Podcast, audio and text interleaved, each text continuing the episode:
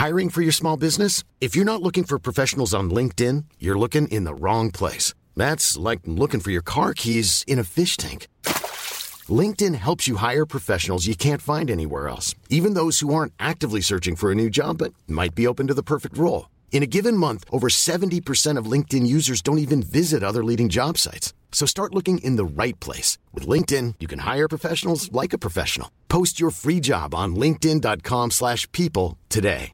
When you're ready to pop the question, the last thing you want to do is second guess the ring. At Bluenile.com, you can design a one-of-a-kind ring with the ease and convenience of shopping online. Choose your diamond and setting. When you find the one, you'll get it delivered right to your door. Go to Bluenile.com and use promo code LISTEN to get $50 off your purchase of $500 or more. That's code LISTEN at Bluenile.com for $50 off your purchase. Bluenile.com code LISTEN.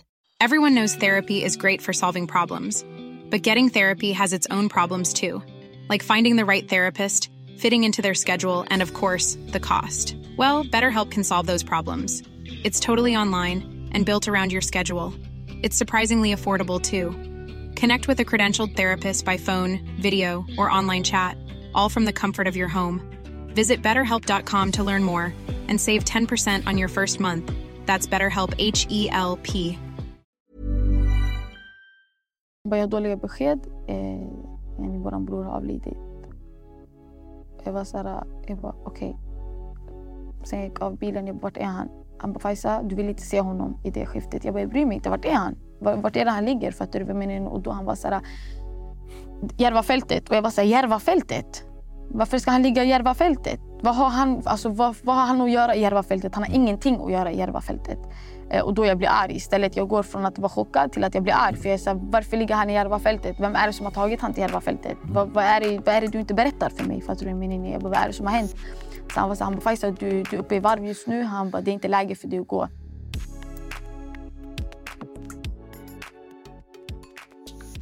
Hej på er och välkommen tillbaka till Dialogiskt. Mitt namn är Viktor och jag är som vanligt er host. Vi vill fortsätta med att säga att vi är tacksamma över att ni subscribar, delar, men framför allt tipsar era nära och kära om vår fantastiska kanal. Som sagt, ni är en del av vår livlina. Eh, den här veckan har vi en gäst som har slagit stort i Sverige med sitt skrivande. Hon eh, är även någonting som jag stolt vill säga faktiskt, poet. Och en, det är en av andra poeter som vi faktiskt har eh, här hos Dialogiskt. Hon är aktuell med boken Ett ord för blod. Välkommen! Tack så mycket. Faiza Idle. Tack för att jag fick komma. Här ska du få Karl. Hur mår du? Det är bra med mig. Hur är det själv? Ja, men jag mår bra. Eh, jag är tacksam att du valde att komma hit till slut. Vi har väl haft en liten kommunikation om det. Känns som det är längre än det senaste halvåret. Det känns som det är typ två år sedan, men så är det inte. Eh, grattis med ditt släpp. Den, eh, den har ändå gjort ett stort avtryck i, i författarskapet Sverige. Eh, hur känns det att eh, ha släppt en bok och framförallt en bok som har varit väldigt uppskattad och en bok som, som liksom ger ett avtryck och som berättar en helt annan historia än vad vi får höra från eh, tjejer med din bakgrund? Det känns otroligt för att jag trodde aldrig att den eh, skulle slå som den gjorde och att människor även skulle uppskatta en kvinnas röst eh, så mycket som de har gjort. Så mm. för mig det, det är otroligt faktiskt. Jag, jag vill ändå passa på att fråga dig, för du säger så här, en kvinnas röst. Jag menar, kvinnors röst har ju hörts på många olika sätt. Men det är verkligen inte många som har berättat från den sidan av... Eh, vi har ju gängkriminaliteten, vi har ju den här våldsspiralen som har ökat markant och framförallt Järvakonflikten. Du är ju den första än så länge. Det är därför jag eh, uppskattar mitt eh, släpp så mycket. För att det är väldigt många ifrån mitt område och det är väldigt många grabbar som har fått en annan syn på grund av att jag har uttryckt mig. Mm. Um, och jag trodde att jag skulle få mer hot än kärlek, men det har inte varit så. Det har varit en kille som jag har träffat på ute som mm. har uh, hotat mig. typ. Um, men jag gjorde en polisanmälan och efter det och innan det har jag inte hört någonting. Uh, så för mig det betyder ju någonting att det väcker en tanke hos dem. Uh, men även att tjejerna känner sig trygga i min litteratur och mm. det betyder ju allt för mig. och att de också har gjort egna kliv i deras egna liv på grund av ett ord för blod. Mm. Eh, och att mitt mod har gett dem mod. Eh, så för mig det, det är otroligt. Vet du vad? Jag blir eh, drabbad av din bok. Alltså, den gör ett avtryck på även mig. Eh, med min historia och vem jag är och sådär. Men jag vet också att den har gett jättemycket avtryck på gemene man, vanliga Svensson där ute. Hur känns det? Alltså otroligt att jag eh, blir inbjuden till väldigt vackra rum och ska tala till väldigt stora människor. Mm. Och att, ehm, jag fick höra i, för någon vecka sedan att eh, Socialdemokraterna hade använt sig av min bok och även läst ut den. Ehm, och den är med i en av politikernas eh, rapport i år. Så för mig det låter ju helt sjukt. För Mm. att Jag trodde aldrig i, alltså, i min djupaste dröm att eh, politiker skulle använda sig av min bok. Och även Södertörn har en litteraturkurs som de använder sig av min bok. Och Det är sjuka grejer för jag har inte ens gymnasieexamen. Alltså. Men du har talets gåva. Du har talets gåva. Alltså. Eh, och, och eh, det räcker ju faktiskt. Eh, Verkligen. Och du skriver fint. Jag eh, lyssnade på en... Jag vet inte om det var från, alltså, jag vet inte om det var från ortens eh, poeter. Det var någonting. Alltså, jag, jag, alltså, jag skulle ljuga om jag exakt kommer ihåg vad det var jag hörde. Men det var häromdagen. Och, och jag hade hört den förut. Men nu när jag lyssnade med helt andra öron så var det, det var så skarpt. Eh, och du sätter verkligen ord på det som man inte vet även om man inte vet vad du sätter ord på så bara känner man så här, okej det här förmedlar du perfekt. Ett ord för blod. Titeln. Berätta om den. Jag skrev den eh, när jag var 16 eller 15 år gammal. Mm. Eh, och Då hade en av mina närmaste killkompisar eh, förlorat sitt liv. Mm. Och Jag minns att jag var i Karolinska och inte kunde förstå vad som händer. Igen. Chocken var så stark. Mm. Tårarna kom inte fram. Eh, så jag eh, tog fram en servett och en penna och eh, började skriva. Och ett ord för blod stod där i servetten. Eh, så den har legat med mig så länge. Och även min dikt skrev jag några år typ efter. Em, och jag minns att eh, när jag var på ortens bästa poet, jag hade hört alla poeter, du vet, de pratade om deras mamma, pappa, kärlek, kille, du vet såhär. Och jag kom in med min text som jag hade skrivit klart, som jag hade påbörjat i sjukhuset då. Och hela publiken var tyst i några sekunder och jag var så här. Aha, oj var min dikt så dålig? eh, men eh, efter några sekunder kom applåderna. Em, och där och då förstod de ju inte vad jag försökte uttrycka förrän många år efter. Em, när alla blev drabbade av våldet. Så det är därifrån min titel kommer ifrån. Och jag kände det var viktigt. Vad känner du när du får en bekräftelse på att det du vill förmedla har landat hem? Vad känner du? Alltså, det är ju någonting som ryser runt i min kropp. Eh, och jag känner, det känns ju otroligt för en konstnär och eh, en poet. Du vet, att kunna få människor att landa i sina egna känslor och att jag får dem att känna någonting. Ehm, för att alltså det, det går inte ens att sätta ord på det, helt ärligt. Mm. Landa hem.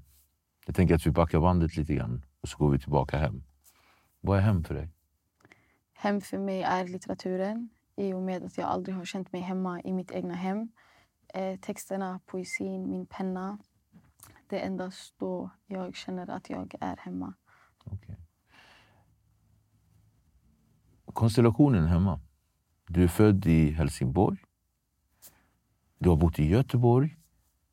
Och du landade till slut i Tensta. Precis. Tack, tack, tack. Och, och det känns ju verkligen så här. Det har gått snabbt. Eh, hur, gammal var du när ni, hur, gammal, hur gammal var du när ni flyttade från Göteborg? Jag var sju, så jag flyttade till Tensta när jag var sju år gammal. Jag pratar ju med många människor i min vardag och, och, och, och i, så här, i terapi och så där. Och så brukar jag ofta komma tillbaka till det första barndomsminne och folk brukar kunna förklara sina första barndomsminnen från fyraårsåldern. Men det, det brukar ofta bara vara små fragment av någonting. Men när du beskriver dina minnen som barn och, så där, och den här flytten från Göteborg och möblerna som man, man sätter uppe på bilen och, så här, och den här undran, den här barnsliga eh, undran, eh, nyfikenheten vart du ska. Den beskriver du så väl och tydligt. Jag måste fråga dig. Varsågod. Jag måste fråga dig, dina minnen, är det någonting som har kommit så här i efterhand eller är det någonting som har varit förankrat hos dig under hela din barndom? För någonstans så har jag också, jag vet inte om jag har läst det, men jag får en känsla av att du inte har så mycket minnen från din barndom men ändå kan beskriva dem du har knivskarpt. Har jag rätt eller fel? Du har helt rätt. Okay. Um, jag hade ju förträngt allt som har hänt i mm. min barndom för att jag, det är inget jag hade velat komma ihåg. Mm. Um, men när jag skulle börja skriva um, då är jag tvungen att gå tillbaka. Och Det var ju inte så mycket som jag kom ihåg men mitt första minne landade hos mig när jag började gräva. Um, och Det är därför jag kan förklara de enstaka scenerna och inte allt. Mm. För att min barndom är ingenting jag vill minnas. Jag mådde inte bra som unge. Jag var väldigt självmordsbenägen som unge. Mm. Uh, jag ville ta livet av mig när jag var var då nio, åtta år mm. gammal. Mm. Jag hade ätit upp alla min pappas tabletter och mm. hamnat på sjukhuset. Um, och det är klart att mina föräldrar inte förstod vad det var. För att det var inte som att de var våldsamma och destruktiva på det sättet. Um, men det var ju att jag inte ville leva för att mina föräldrar hade aldrig tid för mig. Mina föräldrar såg aldrig mig. Det var massa släktingar. Vi var 13 pers i ett sovrum. Um, min mamma var i Arlanda varannan vecka för att uh, ta hem släktingar. För att, uh, hon har alltid lärt oss att det lilla du får, du ska ge. Um, och det leder till att de inte har tid för de har ju massa släktingar runt omkring hemma som de ska ta hand om.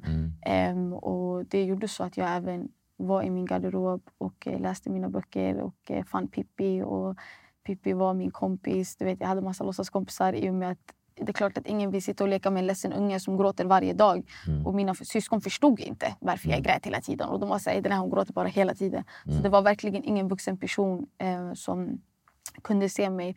Och det ledde till att eh, jag var så här, vet du vad? Det här funkar inte. Jag kan inte hålla på och gråta hela tiden och vara ledsen. Du vet, så här, så det ledde till att jag blev väldigt rebellisk och eh, vände mina känslor och blev arg unge istället. Och när jag blev en arg unge och då fick jag kompisar. Då ville folk leka med mig. Då ville vara folk runt omkring mig. Um, så det ledde till att jag bara så här, aldrig berättade för andra människor om min kärlek till litteraturen och att jag älskade att läsa. För att det, du blir inte cool i gatan när du älskar mm. att läsa. Så, ja. Sex syskon? Berätta konstellationen hemma. Den äldsta, taxiförare. Ehm, och han blev taxiförare redan vid 21 års åldern för att eh, han var tvungen att eh, ja, vara en pappa när min pappa inte ville vara en pappa längre. Eh, och han såg att det var alldeles för mycket ansvar på min mammas axlar. Och min mamma mm. jobbade tre jobb för att se till så att vi har det bra. Ehm, hon köpte sin lägenhet och du vet, det kostar så han var tvungen att ställa upp. Min andra bror är en jurist idag. Eh, och sen så har vi min syster som även är aktiv. Eh, hon är en mångsysslare, hade jag kallat henne. Tror jag. Mm, aktiv, när du säger aktiv så för mig blir det ett helt annat. Aha, oj, oj, nej, hon, är, eh, alltså hon är aktiv. Eh, vad ska jag kalla henne? Hon är journalist? Journalist, ja. Hon är aktiv journalist. Så hon finns på medier. Så hon är med i TV4 och sådana saker. Mm. Eh, och sen så har vi min bror Aje som är en mycket spännande sökande man eh, hade jag sagt. Och sen så är det jag, mm. poeten. Och eh, sen har vi min eh, gulliga lillebror som är yngst i familjen. Mm. Okay. Eh, om jag får så här... Familjkonstellation har ju olika roller. Och om jag drar dem så lite snabbt utan att gå för djupt in, för nu handlar det liksom inte om just det. Men det blir ändå intressant. Ett familjesystem har ju liksom vuxna barnproblematiken. Eh, barn, när en förälder eller två föräldrar är frånvarande så har barnen liksom, det är som superkrafter barnen eh, adaptar för att liksom klara av sin situation och också för att få behålla en familj. Så att det är lite så att barn vill hellre ha en familj som inte fungerar som den ska än ingen familj alls. Och då är det så här, ett barn, det duktiga barnet det är barnet som någonstans tar mammans roll, hjälper till och handlar och tar hand om sina syskon, tar dem till skolan. Sen har vi medlaren. Det är barnet som ser till så att familjens eh, känslokonstellation är balanserad. Sen har vi ett barn som vi kan kalla för tapetblomman. Det är barnet som liksom backar undan och blir som en tapet på, eh, på väggen och liksom bara känner av. Eh, sen har vi clownen, det är barnet som alltid ska vara rolig. Sen har vi rebellen, det är barnet som sticker ut. Och, och sådär. Vilken av de här rollerna tycker du att du har passat bäst i? Alltså jag hade nog sagt att jag är rebellen och clownen. Typ. ja, faktiskt. Men inte tapetblomman? Nej, långt ifrån tapetblomman. Långt ifrån. Jag gör alldeles för mycket ljud för att vara en tapetblomma. Alltså, alldeles för mycket ljud. Um, ja, nej. Och, och, och eh, hur har ni som barn eh, kunnat bibehålla den här familjen som... Jag hör ju det är jättemycket kärlek ändå, och, och så här, men det är ju också någonting. Alla har en uppgift. Mamma har en uppgift att det ska bibehållas och pappa frånvarar, då har ju han sin uppgift. och så där. Exakt. Hur har ni som barn kunnat Jag gemensamt? tror eh, min äldsta bror som sagt Mm. ser till så att pengarna kommer in i familjen. Ser till Mm. så att allting är stadgat. Så att vi, han hjälper mamma som sagt. Så han och mamma är ute. Så ser till så att jag har något att äta. Ehm, och sen så min bror som är två år äldre än mig Mm. tar platsen som en man för att eh, de vuxna är inte hemma. Så han får ställa upp. Och Det ledde till att han hade stenkoll på mig, stenkoll på min skola, kunde komma till skolan, bestämde vilka människor jag ska umgås med, vad jag ska ha på mig, vilken parfym jag ska använda. Ehm, och bara så här, basically var en äldre för mig. Eh, så han tog rollen av att uppfostra mig eh, och min lillebror. I och med att min lillebror är så lugn och inte gör problem eller någonting så han är tapetblomman eh, hemma och spelar Playstation medan jag lyssnar inte på någonting av min bror av det han säger. Men han ser ju till så att jag sköter mig fastän jag aldrig skötte mig. Ehm, ja, så, och min syster ja, ser till. Min syster bodde inte så mycket hemma. Hon flyttade ut ganska tidigt. Så. Eh, men ja, Var det något av dina syskon som, någonstans stack ut och var lite utanför familjen men aldrig riktigt... ja, näst äldsta juristen hade jag sagt Mm. nog. Han var ju mycket utanför. Så han stack ut väldigt mycket. Så han missade väldigt många år av vår barndom faktiskt. Mm. Tack för att du delade med dig. Jag vet att det kan vara svårt så här, att prata tillbaka i tiden och lite sådär, men jag tycker att du gör det galant. Så mycket. Tensta, Stockholm. Berätta om Tensta. Tensta för mig var en plats jag aldrig i hela mitt liv hade tanken på att lämna. Jag ville föda barn där, gifta mig med ett Tensta-barn och göra allt i Tensta. Ehm, och det var väldigt soligt, mycket gemenskap, mycket tillhörighet. Och i och med att eh, våra föräldrar var så frånvarande och hemmet var inte hemma, det ledde till att jag var ute och skaffade min egen familj ute. Um, och uh, vi, vi bildade vår egna familj ute. Um, och eh, så när solen slutade skina i Tensta och uh, det var alldeles för mycket mord på våra gator. Du vet, det var så normalt att se ett lik att det blev den här oh my god, kolla vem som ligger där, vi ska gå och titta. Men jag var aldrig den ungen som kunde gå och titta på att någon ligger död där. Jag var så det är en död människa, vad är det jag ska titta på? Fattar du? Jag, jag kommer inte kunna sova.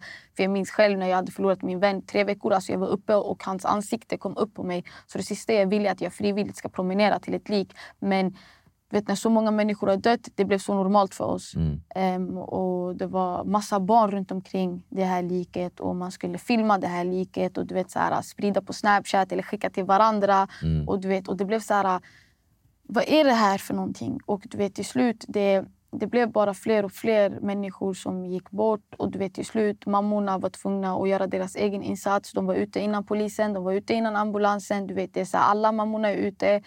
Ehm, och jag kunde inte gå ut och härja med min mamma fattar du, eller hjälpa till. Och Jag Mm. var alltid den som stannade hemma för jag, det var för tungt för mig att bära.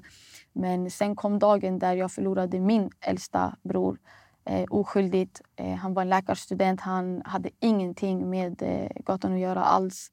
Eh, och där och då... Det var din bästa vän. Det var basically min bästa vän. Han var den enda människan som såg mig. Han var den enda människan som älskade min poesi. Exakt den videon som du tog, upp eh, i Mm. Bästa poet. Han hade alltså, kopplat den till tvn och du vet, han tittade om så många gånger att han till slut kunde dikten utan till. Och eh, Han älskade min poesi och han alltid stöttade mig. Och, ja, han var bara allt jag... Allt som var tryggt för mig, han var min tryggplats. Eh, och när jag förlorade min tryggplats Eh, i den chocken och den, jag blev väldigt äcklad ifrån mina gator. Jag började hata mina gator. Jag började hata alla människor som hade med det att göra. Men jag även fick mycket mer kärlek till mammorna. Jag fick mycket mer kärlek till syskonen. Jag fick mycket mer kärlek till att de känner det jag känner. För det är väldigt många som senare har gått bort oskyldigt. Och eh, det var där och då jag någonstans förstod att eh, jag en dag när jag blir lite äldre och jag fortsätter på benen att jag kommer göra någonting åt saken. Eh, För att jag såg aldrig hämnd eller jag såg aldrig att jag vill gå ut och leta efter människorna som har skadat min bror eller se till så att de skadas. Ehm, det är inte jag, det är inte min karaktär. Jag, jag kan inte. Men jag kan inte heller säga att man inte blir arg. Jag kan inte heller säga att man inte vill också skada. Fattar du? Mm. Ehm, men jag är inte kapabel till att göra någonting sånt. Vad gjorde du med din ilska? Mm. Ehm, med min ilska? Jag hade inte råd att göra någonting för att min mamma ligger... Eh, alltså, hon, kan inte gå upp ur sin säng. Hon har ingen styrka i hennes ben. Eh, jag var tvungen att gå och jobba samma, alltså, samma dag jag fick reda på det. Nästa dag var jag uppe och jobbade. Mm. Eh, och jag kände bara så här, vad ska jag göra för att kunna underlätta för min mamma och kunna göra det han gjorde. Ehm, så jag eh, försökte fylla hans skor och eh, vara den personen för henne. Mm. Så jag sökte mig till eh, väktarutbildningen. Där jag tänkte okay, det är snabbt och mm. det, där kan jag se till så att jag hjälper henne. För att min mamma, kommer inte, min mamma kan inte ställa sig upp och gå och jobba. Alltså hon kan inte. Och jag kan inte få henne att gå och jobba heller. Så jag gick och jag var väktare i några år. och jag hjälpte till med allt hon ville. Så basically, alltså hela min lön gick ut på henne. Eh, och jag jobbade natt. Du vet, det var många nätter, men till slut, du vet, jag fick någon typ av psykos. Okej. Okay. Vänta lite. Ja. Tack för att du delade med dig. Vi kommer komma okay. fram till det. Jag vill backa lite grann. Uh, din bror, mm. som gick bort. Berätta. Vad ska jag berätta om honom? Vad var det som hände i dig och den tidpunkten? Vad som hände i mig? Ja, jag kände väldigt mycket ilska. Om vi säger så här. Ja. Jag förstår. Om vi säger så här. Den stunden, mm. minns du vad det var när du fick samtalet? Eller liksom hela... Okay, jag minns att jag jobbade i Kista galleria eh, i en klädbutik. Och jag minns att eh, min eh, nära tjejkompis hade ringt mig. Hon bara stäng av din telefon, svara inte på några samtal. Eh, och ah, hon bara svarar inte på några samtal. Jag bara, vadå svarar inte på några samtal? Vad är det som har hänt? Varför ska jag inte svara på några samtal? Hon bara, nej jag vill inte att du svarar på några samtal. Och så fort du slutar, du möter mig. Um, och sen så var jag så här, okej okay, skumt. Sen så ringer min mamma mig. Ehm, och min mamma hade varit på ett hon skulle gå på ett bröllop i Malmö så hon var inte i Stockholm. Hon skriker och, det, det, och hon gapar och det är mycket som händer. Och hon är så här, Jenny, du måste åka hem nu. Och jag är så här, mamma jag är i jobbet. Hur ska jag åka hem? Hon är så här, det spelar ingen roll. Hon bara, droppa ditt jobb nu på en gång. Och bara kom, åk, åk till Tensta och kolla vad är det som händer. Någon har slagit sönder din bror. Din bror ligger där med blod. Och jag var så här, va? Vilken bror? Du vet, så här, och hon är så här, ah, men Mohammed. Du vet, så här, och jag var så chockad. Och jag var så här, något måste ha blivit fel. Och då tänkte jag ah, han jobbar ju ändå sent i taxi. Du vet, någon kanske försökte råna honom eller någonting med hans klocka. Eller någonting, du vet, det var så här, mm. Något slagsmål måste ha skett. Eh, och hon ringer och hon, är, och hon ringer mig flera gånger. Min telefon den blev varm till slut. Och hon är så har du gått? Har du gått? Och jag var så mamma du ringde mig för en sekund sedan. Hur ska jag landa i Tensta så snabbt? Um, och sen så vet du, igen, ringer jag min tjejkompis. Och eh, när jag ringer min tjejkompis då ber jag henne att komma och avlösa mig. Och jag vet inte ens om det är lagligt eller någonting. Men jag var så här, du måste komma och avlösa mig nu för någonting har hänt med min bror. Och hon var så här, ingen stress. Så hon åkte in till Kista direkt och hon eh, alltså, jobbade åt mig tills man skulle avlösa mig. Eh, och då hade min eh, näst äldsta bror ringt mig och eh, sagt eh, ja, men vart är du någonstans? Jag bara, jag är på väg till Tensta nu. Han bara, okej, okay, jag möter dig så fort jag landat i Tensta. Eh, jag bara okej. Okay. Och eh, då hade jag landat i Tensta och eh, då kom han med... Ja, han hade plockat upp mig och sen så satt jag i bilen och då var hans två vänner inne i bilen också. Och då, han sitter i passagerarsätet och han tittar på mig och han säger jag har dåliga besked. Jag bara, vad för besked? Fortfarande så... Fortfarande, vadå? Så vet du inte? Nej, fortfarande jag vet inte vad det är som har hänt. Fattar du? Eh, och sen säger han jag har dåliga besked. Jag bara, vad är beskeden? Han bara, jag, ja, han bara, jag har dåliga besked. Eh, yani vår bror har avlidit. Jag var så här, jag bara okej. Okay. Sen jag gick av bilen, jag bara, vart är han? Han bara, Faiza, du vill inte se honom i det skiftet. Jag bara, jag bryr mig inte. Vart är han? Vart är det han ligger? Fattar du vad jag menar? Och då han var så här, Järvafältet. Och jag var så här, Järvafältet? Varför ska han ligga i Järvafältet? Vad har han, alltså, vad, vad har han att göra i Järvafältet? Han har ingenting att göra i Järvafältet.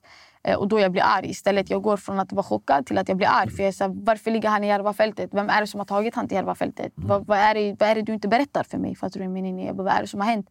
Så han var så han bara, Faisal, du, du är uppe i varv just nu. Han bara, det är inte läge för dig att gå. Så jag ringer min släkting och jag säger, vart är han någonstans? Eh, och så jag tittar på vad jag hade på mig. Eh, och jag, hade, jag kände inte att jag hade lämpliga kläder för att möta mina släktingar. Eh, och då jag var så okej, okay, jag måste gå hem och byta om. Så jag eh, går upp jag åker upp med hissen och sen i luftgången jag ser två poliser. Och sen efter eh, jag går förbi polisen och de säger vi behöver prata med dig. Och jag har inte, jag, bara, jag har inte tid att prata med er just nu. Och sen jag går, jag, jag ska sätta in nyckeln i nyckelhålet. Mm. Mina nycklar går inte. Och jag är så här, vad är det som händer? Varför funkar inte mina nycklar? Um, och då, han, då min, min faster är så här, hon bara de har gjort någonting. Typ, så här. Uh, och så jag går till dem jag bara, kan ni öppna upp? Jag behöver byta om. De bara, uh, de bara nej vi kan inte göra det. Jag bara, vadå ni kan inte göra det? Jag bara, öppna upp mitt hem. Uh, och de bara, så här, du måste följa med till stationen. Jag bara, jag behöver följa med till stationen. Jag bara, varför ska jag följa med till stationen? De bara, för att du ska svara på lite frågor. Och jag så här, jag, ser det ut som att jag har tid att svara på frågor? Min bror ligger i Järvafältet. Jag har inte tid att svara på några frågor. Mm. och de bara, så här, men jag bara, situationen kommer inte bli bättre av att du inte följer med. Du måste följa med. Och då jag var så här, jag, bara, jag följde med på ett, ett alternativ. Och de var så här, de bara, vad? Jag bara, att eh, ni öppnar upp min dörren efter jag har pratat med er. Sen de var så här, de bara okej. Okay. Sen jag följer med dem till stationen och sen de ställer mig en hel massa dumma frågor som jag inte kan svara på. Mm. Um, och jag är så här, jag vet själv inte vad som hände. Vad var det för frågor de ställde? Och de var så här, vart var han? Vad gjorde han? Och du vet, så här, och jag var så här, sist han pratade med mig, jag minns att jag halvsov mm. och eh, han hade kommit till min dörr och sagt så här, Faisal jag behöver nycklar. Eh, och jag var så här, nycklar till vad? Du har precis kommit från jobbet, vad är det du ska göra ute? Eh, och jag och min bror har den där jargongen, vi kan prata med varandra röster. Eh, och han bara, så, han bara nej Faisal jag behöver dina nycklar. Jag, bara, jag, ska inte ge dig, jag ska inte ge dig mina nycklar. Alltså, du, du ska sova, du har jobbat, du ska inte mm. gå ut. Fattar du? Och allt det här i min sömn. Alltså. Sen efter han var så här, han, bara, han höll på ett tag och vet, då jag var så okej, okay, okay, okay, nycklarna ligger där borta. Och han var så okej, okay, jag älskar dig min prinsessa. Och det är någonting mm. han alltid säger innan han går ut till jobbet, innan han gör någonting. Mm. Eh, så eh, jag fattade, så de hade frågat mig och till slut, vet, jag var ju så arg och upphetsad. Och när jag är arg och upphetsad jag kan inte svara på några frågor. Och sen jag lugnade ner mig för att det, det hjälper inte att jag är så, så arg. Mm. Um, och sen så svarade jag på det jag visste. Uh, och sen efter de bara såhär, ah, hans telefonnummer, hans telefon. Har du sett någonting? Vet du om vem han kan möta? Jag bara, nej jag vet inte om vem han kan möta den där tiden. Uh, men han hade en kompis som, uh, han, som jag alltså senare när jag hade lugnat ner mig kan tänka mig som kan ta ut honom den här tiden. Mm. Um, och sen så, vet du, en... Uh, uh, det var det. Var det. Och sen så, så, så, så, så, när jag blev klar så hade jag sagt jag bara, ska ni öppna upp min dörr eller vad är det som händer? Jag bara, eller ska ni boka hotell till mig och alla mina släktingar som är på väg till oss? Mm. Eh, och då, då gav de mig eh, nya nycklar. Dialogiskt vill säga tack till våra stolta sponsorer. AFN, All Stars Fight Night. En organisation som främjar svensk fighting. Fordonsmäklarna, bilhandlarna som erbjuder dig bra service och kvalitet på vägarna. Granby Storgård, ett HVB-hem med familjekänsla. Advokatfirma Ola Tingvall, ett tryggt försvar för alla. Kände du att polisen bara var helt känslokalla och, och, och, och inte respektfulla i, i det här? Jag kände verkligen att de inte kunde förstå. Eh, och de, inte, de mötte inte mig, helt ärligt. Mm. För att jag ville gå in hem och byta om. Och Jag hade jättegärna följt med dem efteråt. Eh, men jag kände att de var, de var jätte, jättekalla faktiskt. Och i den där och då stunden kunde jag förstå varför man hatar poliser. Mm. Um, för att det var inte som att mitt hem var ett brott, en brottsplats. Och det var inte som att de... Vad är det de ska hitta där? Mm. Helt ärligt. Det var inte som att han gick borta, borta. Då hade jag fattat. Men jag kände bara även i förhöret att eh, de var inte mötandes alls. 2015 så började ju den här konflikten, Järvakonflikten. Och jag vet att du har pratat ganska mycket om, ursäkta mig, om själva konflikten och sådär. Så att det kanske blir urvattnat och sådär. Eller rättare sagt, kan den här konflikten bli någonting som är utvattnat? Känns det som att vi har tagit för lätt på den? Det känns ju som att vi har tagit alldeles för lätt på den. För att eh, när de här två killarna gick bort mm. så kunde polisen göra en hel del. De kunde göra mycket mer jobb. Men det behövde gå så här långt och nu är det för sent. Nu är det för sent. För den håller på fortfarande? Den håller på fortfarande. Vi pratar ju som att den är över. Och nu den har spridit sig. Det är inte bara i Järva, det är inte Nej. bara i Västerort. Nu den är överallt runt om i Sverige. Nu, de är, nu, är morden, nu finns morden i de finare ställena. Och, eh, det känns ju som att, eh, även i min bok, jag drar ju två paralleller mellan andra Sverige och vårt Sverige.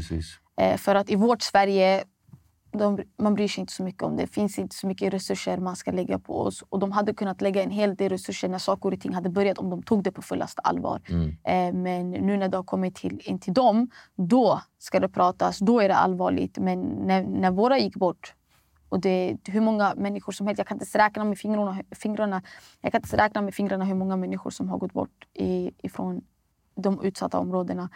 Eh, men de har inte brytt sig. När våra syskon har dött oskyldigt, de har inte brytt sig. Och alla som har dött har varit kriminella. Min bror var inte kriminell. Han var läkarstudent, fyra barns pappa, en taxiförare.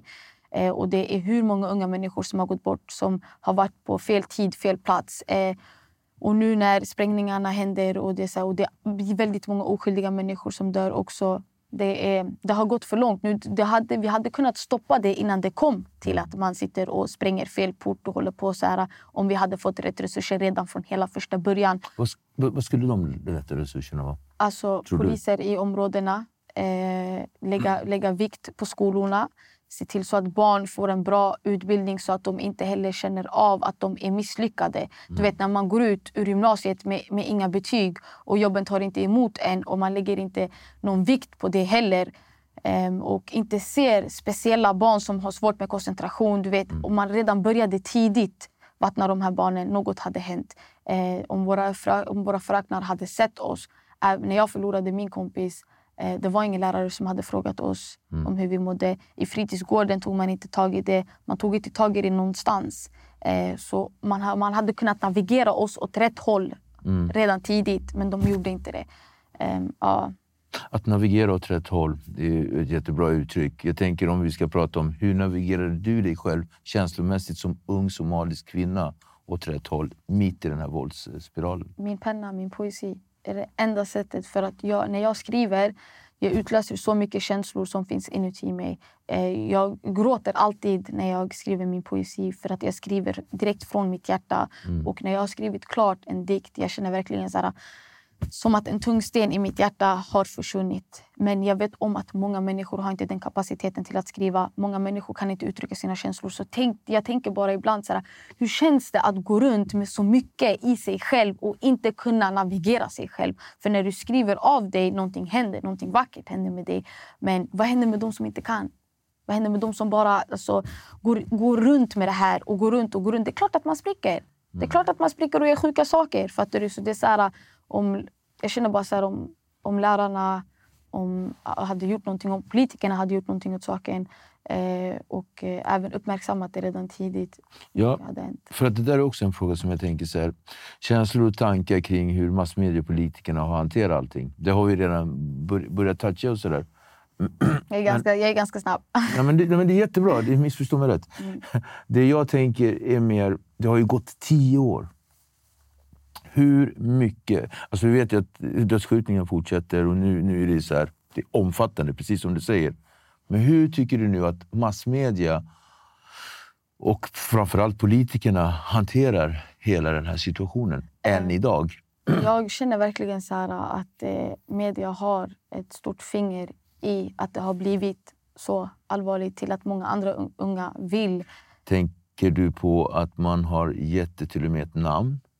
Exakt. Så när, man, så när man läser en artikel och ser att den här människan hade den dyraste klockan och körde den fetaste bilen och eh, sov i det huset och även ger de här människorna Alltså de skriver, de, de ger de här människorna deras smeknamn eh, ute på media. Och eh, Det gör ju så att de här killarna får ett typ av namn. De får ju status. Eh, du vet, de här killarna, om de bara var kriminella människor ifrån någon förort. Vi från andra sidan hade inte vetat vilka de är. Alltså, vi- nästa tunnelbanestation hade inte ens vetat vilka de här killarna är. Fattar du? Men när man läser på media om om, om dem, eh, vart de sover, vilka lyxställen de sover i. Det blir ändå som att, aha, okej, de är ju de nya kändisarna. Och förut, i din tid, säkert när man... Jag levde ju inte där, så, men det var ändå att man såg upp till rappare som gjorde något bra. Man såg upp till men, alltså, eldsjälar på riktigt för att det var de som hördes och syndes. Men nu syns inte eldsjälarna längre för att de här kriminella killarna har tagit all plats. De, Betyder det att eldsjälarna har försvunnit? nej, de har inte försvunnit men de är inte viktiga just nu. Nej. Så det blir att deras arbeten hörs inte för att de här människorna har tagit all plats. Och vad då? Ungarna ser det här. Ungarna ser statusen de får. Ungarna ser hur kända de här människorna blir och de blir ju de nya ikonerna. Eh, och då vill jag bli som min ikon som sitter på den tronen som media även har gett dem. Så de har ju gett dem den här spotlighten. Um, och jag förstår att journalister behöver göra sitt jobb 100%. Jag förstår att man behöver säga det som händer. Men du kan säga sanningen utan att själv glorifiera det. Utan att själv, för det känns ju det som journalisterna skriver, att de själva glorifierar det. Um, så det är, så här, det, det, det är ju som att de har ett finger i spelet, helt ärligt. Och det gör ju så att för när grabbarna hörs eh, på Aftonbladet får framsidan, de har, det är klart att de blir glada. Det är inte som att det blir negativt. De älskar ju journalisterna. De älskar journalisterna, att journalisterna uppmärksammar deras arbete och även gör så att deras, de sänder ju ut ett meddelande och de vill ju att deras fiender ska veta. Eh, och det är ju som att... Ja, så, mm. Mm. Interesting. Vad känner du kring den biten? Kring eh, journalistiken eller uh. sådär? Nej, men jag, jag håller ju fullkomligt med. Jag, jag var lite inne på det för ett gäng år sedan också. När vi hade någon debatt någonstans där, där jag kan känna att just det här att man namnger. Och, och, men det, så har det alltid varit. Det har varit så genom alla tider att man jam, namnger olika konflikter, man namnger personer, de får smeknamn eh, och de blir någon, fa, någon form av... Eh, eh, om vi nu pratar från orten så, så blir de ju alltså, ortenprofiler och det lever man ju på ganska länge. Men det som jag tycker har varit väldigt, väldigt dåligt, det är hur man har dokumenterat andra sidan. Eh, och när jag menar andra sidan, det är liksom baksidan. Offren, eh, de personer som, som inte har varit inblandade så aktivt, utan de personer som har varit på sidan om. Lite som du, systrarna, mammorna och sådär. Och jag själv som dokumenterar eh, samhället har ju också haft svårt att få in sådana personer som gäster Just på grund av att den andra sidan av journalistiken har tagit över och det blir, liksom, det blir lite orättvist, obalanserat. Så jag håller med dig fullkomligt. Man vill ju så gott som möjligt kunna alltså, visa båda sidorna, eller det helomfattande. Där gör vi ett sämre jobb. och så där. Nu vill inte jag kalla mig journalist, men jag är ändå en samhällsskildrare. Och så. Men sorg då? Sorg och förlust och sådär. Jag hör vad du säger, att skriva pennan och allt sånt där. Men de som inte har eh, den kraften, eh, den förmågan att sätta allting på papper. Mammorna, systrarna. Hur har de fått göra? Jag vet inte riktigt om de har hanterat deras känslor på det sättet som de ska hantera det på. För att det är väldigt många människor som inte tror på psykisk ohälsa. Det är väldigt många som lever i förnekelse. Och eh, det är väldigt många som inte vågar ta steget till terapi. Och jag mm. har inte heller, heller, vågat göra det förrän mm. det blev för mycket för mig. Um, så det är därför jag även skriver den här boken till dem, för dem. Och min röst är för dem. Jag skriver för systrarna och mammorna. Mm. Uh, så att de förstår vad som händer med en och vad som händer hos oss, i oss. Mm. Um, och uh, när de får se scenerna du vet, med egna ögon och de blir så här, vad är det som händer? Och det, så, mm. det händer samma sak i ditt liv. Mm. Uh, jag lever inte någon annorlunda liv än vad du lever. Uh, men det ger dem också en typ av förståelse till vad som händer när man söker terapi. För mm. att hade jag inte sökt terapi hade jag aldrig, aldrig i mitt liv hade kunnat skriva en bok till dem. Um, så Ja. Eh, kämpandet med terapi det är också en process att man krigar med sina inre demoner och man eh, försöker sätta namn på saker och ting och allt sånt där. Hur, jag ser att du blir påverkad. Berätta om den processen. Det var helvete. Mm. Alltså, det var helvete. Det var många gånger jag gick ur rummet för jag var så här, vad är det du pratar om? För att han har lyckats trycka på rätt knapp. Mm. Um, och det, alltså det var jätte, jättejobbigt att sätta mig i den där stolen och eh, gå tillbaka till situationer och gå tillbaka till vad som har hänt mig. Mm. Gå tillbaka till mitt hem. Mm. Um, och även få det så klart av vad som har hänt i mitt hem och även betona av att det som har hänt i mitt hem är inte okej. Okay. Um, ehm, det var bara, alltså det var jättejobbigt. När jag, varje möte jag hade gått på det, mitt huvud vägde, min, min kropp vägde. Jag kunde inte äta, jag kunde inte sova för att det var lika jobbigt att gå igenom det och prata om det. Um, men någonting hände när jag inte slutade gå och uh, fortsatte och slåss med dem. Uh, och jag minns att... Uh, ja, jag... Alltså, Minns du ögonblicket? Då var det så här... Ja, jag minns att det var en av mötena när jag uttryckte någonting och eh, min terapeut hade sagt till mig, han bara, du glorifierar det jättemycket. Och jag var så här, det är det enda sättet jag kan acceptera vart jag kommer ifrån. Det är det enda sättet jag kan acceptera vissa av mina familjemedlemmar. Jag kommer aldrig kunna acceptera dem om jag inte glorifierar och romantiserar det. Um, men jag minns att när han berättade för mig och sa Faiza, du är medberoende. Och jag bara, medberoende? Vad är det? Uh, och när jag fick reda på vad medberoende var och landade i att jag var medberoende, då... Jag tänkte ju säga det till dig i början, men jag tänker att vi, men nu är vi ju där. Och om vi tittar tillbaka på vårt samtal. Mm. De här vuxna barnen som jag pratar om, tapetblomman, rebellen, clownen. Det är ju medberoende. Det är barn som är medberoende till sina föräldrar. Ett normalt sätt att hantera det är ju egentligen att kliva ut och säga men så här ligger det till i den här familjen. Men det gör man inte, utan man försöker skydda den. Och så. Precis. Medberoende ju, i vuxna barn är ju barn som uppför sig som vuxna, Precis. men som vuxna är som barn. Och nu är du vuxen. Så om vi tittar tillbaka till nioåriga Faiza, varför tror du att du ville ta ditt liv? Ja, alltså jag ville ju ta mitt liv på grund av att som sagt, jag inte blev sedd och inte blev hörd. Um, och jag, jag kände väldigt mycket, mycket känslor som liten. Um, och mina föräldrar kunde inte hantera mina känslor. Mina syskon kunde inte hantera mina känslor. Uh, och det ledde till att jag kände att jag var misslyckad och kände att det var fel på mig. Um, så jag kände så att det var inte värt att leva. Och om man sa till dig att det inte var liksom fel på dig och att du inte är misslyckad, var det något som du tog till dig intellektuellt, känslomässigt? Inte alls. Hur kunde man övertyga dig om att du var en fin person och duger som du är? Det gick inte att övertyga mig. I mm. äldre, senare dagar också när jag blev äldre. Eh, mina vänner kunde inte övertyga mig. Livet kunde inte övertyga mig. Men när jag satte mig i den stolen med min terapeut och började gå igenom allting och börja se de känslorna som jag har grävt ner så länge mm. eh, högt. Eh, det var där och då jag fick arbeta med att se mig själv. Och när jag började se mig själv för den jag är och eh, vad, vilka kvaliteter och vilken människa jag är och mitt hjärta. Ehm, det var då jag började typ små, små, började små älska mig själv, hade jag nog sagt. Ehm, och när jag skrev ner allt jag hade känt som liten jag började, alltså jag grät så mycket i mina första kapitel. För jag vill bara krama om henne och säga åt henne att mm. alla de orden som jag sa till mig själv i vuxna dagar. För att hon var väldigt, väldigt skadad, mitt inre jag. Eh, och det ledde till att jag har gjort mycket destruktiva val i mitt liv för att jag inte har tyckt om mig själv. Mm. Men det är svårt att inte tycka om sig själv när man har målat upp sitt yttre så mycket. Mitt yttre var, var på topp, men mm. mitt inre var helt skadat. Um, så jag var bara tvungen att övertyga mig själv först.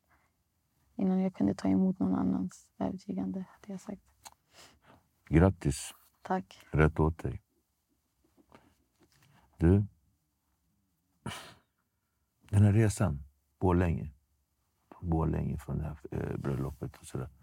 Eh, jag har ju också läst hur du hanterade hela den grejen när du sitter där i baksätet och med din vän och, och sådär. Eh, hur hade du hanterat den situationen idag? Uh, hur, eller hur tror du?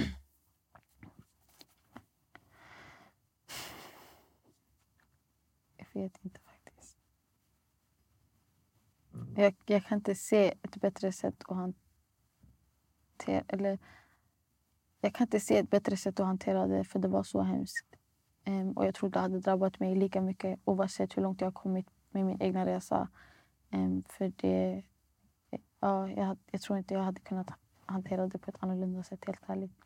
För om vi tar fram i ljuset liksom vad det var som egentligen hände. Det var, vi var på ett bröllop och eh, ett, ett gäng unga tonåringspojkar hade blivit stoppade några mil bort för att det var som ett dödskommando som skulle dit och, och, och massakrera hela tillställningen. Det skulle liksom bli en... Ja, det skulle ju bli ett blodbad.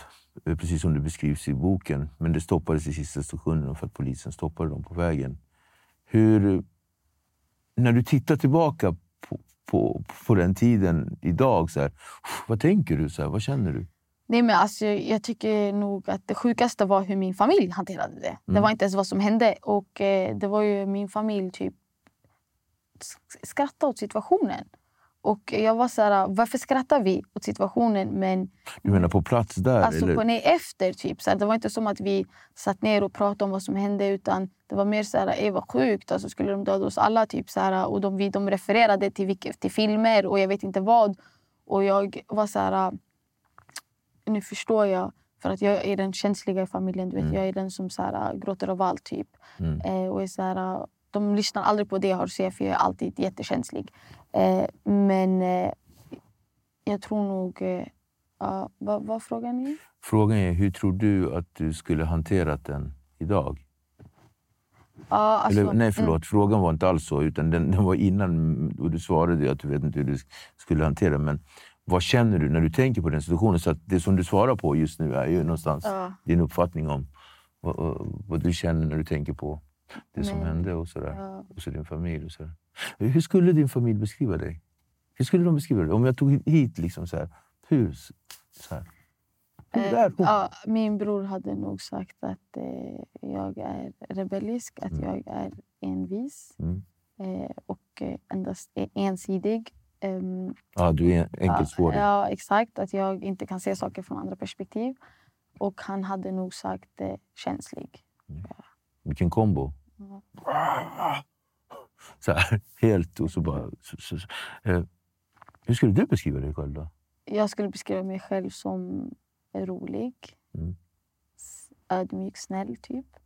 Um, och uh, envis tror jag också. Uh. Mm. Och väldigt rebellisk. Väldigt rebellisk.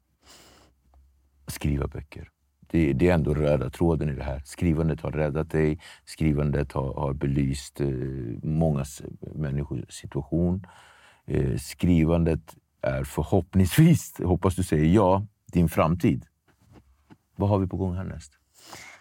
Jag gillar inte att berätta vad jag ska göra next. Men jag Fair enough. Ja, men drömmar men, får man ha. Drömmar, ja, min största dröm är att eh, bli en person som senare bygger en bro för människor som inte kan uttrycka sig i skrift mm. men har väldigt rika historier. Sätta dem med landets eh, finaste redaktörer eh, och få ut deras historier. För att eh, du vet, Vissa av mina tjejer de är så här, bror jag känner skitmycket men jag vet inte vad jag ska säga. Faiza ta telefonen och förklara ni vad jag försöker säga. Mm. Um, och, okay. du vet, det, det, deras liv är så händelserikt men de kan inte få det på, på skrift. eller så här, så jag måste ibland, vissa tjejer, du vet, vissa av mina tjejkompisar de bråkar kanske med deras kille och, då är så här, och jag sitter och skriver. Och, det vet, så, här, eh, så jag vet ju om hur, hur mycket, hur mycket alltså, de har att säga till världen, hur mycket de har att erbjuda till världen. Men de hade aldrig, alltså, de hade inte kunnat skriva en bok. Eh, och jag vet om att det är väldigt många unga personer som har drömmen om att bli en författare och eh, skapa någonting. Men de som sagt har svårt för det eller behöver komma igång med det eller behöver lite coachning. Eh, och, så, och även när vi, de går till någon skrivarkurs kanske inte det är den bästa personen som skriver som lär ut. Eh, och då blir det fel. Mm. Eh, och du vet, så, här, så De förtjänar också att sitta i de finare rummen. Eh, så jag vill bara fortsätta erövra så att jag kan eh, gå tillbaka och eh, plocka några sköna eh, karaktärer och göra någonting av det. faktiskt. Det är min största dröm. Bra drömmar. Du som inte ville dela med dig. men vad värderar du som högt men som du anser att andra inte värderar lika högt?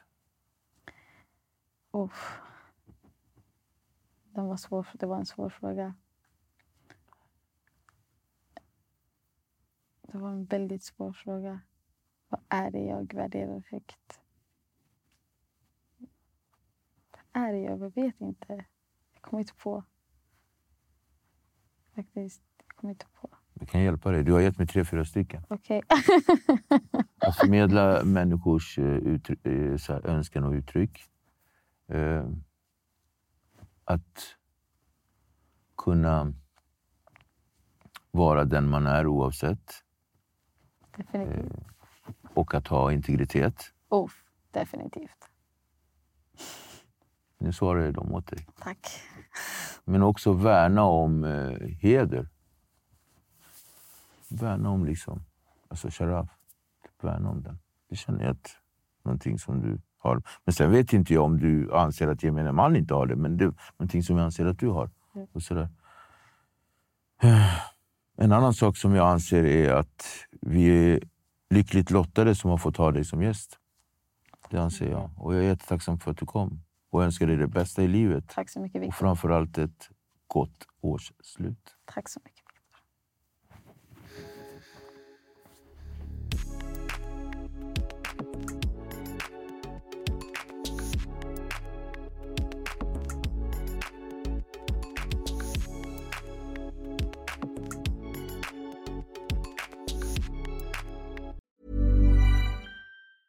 Planning for your next trip? Elevate your travel style with Quince. Quince has all the jet setting essentials you'll want for your next getaway, like European linen, premium luggage options, buttery soft Italian leather bags, and so much more. And is all priced at 50 to 80% less than similar brands. Plus, Quince only works with factories that use safe and ethical manufacturing practices. Pack your bags with high-quality essentials you'll be wearing for vacations to come with Quince. Go to quince.com slash pack for free shipping and 365-day returns. Planning for your next trip? Elevate your travel style with Quince. Quince has all the jet-setting essentials you'll want for your next getaway, like European linen, premium luggage options, buttery soft Italian leather bags, and so much more. And is all priced at 50 to 80% less than similar brands. Plus, Quince only works with factories that use safe and ethical manufacturing practices. Pack your bags with high-quality essentials you'll be wearing for vacations to come with Quince. Go to quince.com slash pack for free shipping and 365-day returns. Hey, folks, I'm Mark Marin from the WTF Podcast, and this episode is brought to you by Kleenex Ultra Soft Tissues, your ally to help tackle your allergy symptoms this season. I love the change of seasons, but nobody loves pollen and all those other things floating in the air that make you sneeze during this nice weather. Kleenex Ultra Soft Tissues are hypoallergenic and allergist approved, so fight back against watery eyes and runny noses without worrying about irritating your skin. For this allergy season, grab Kleenex and face allergies head on.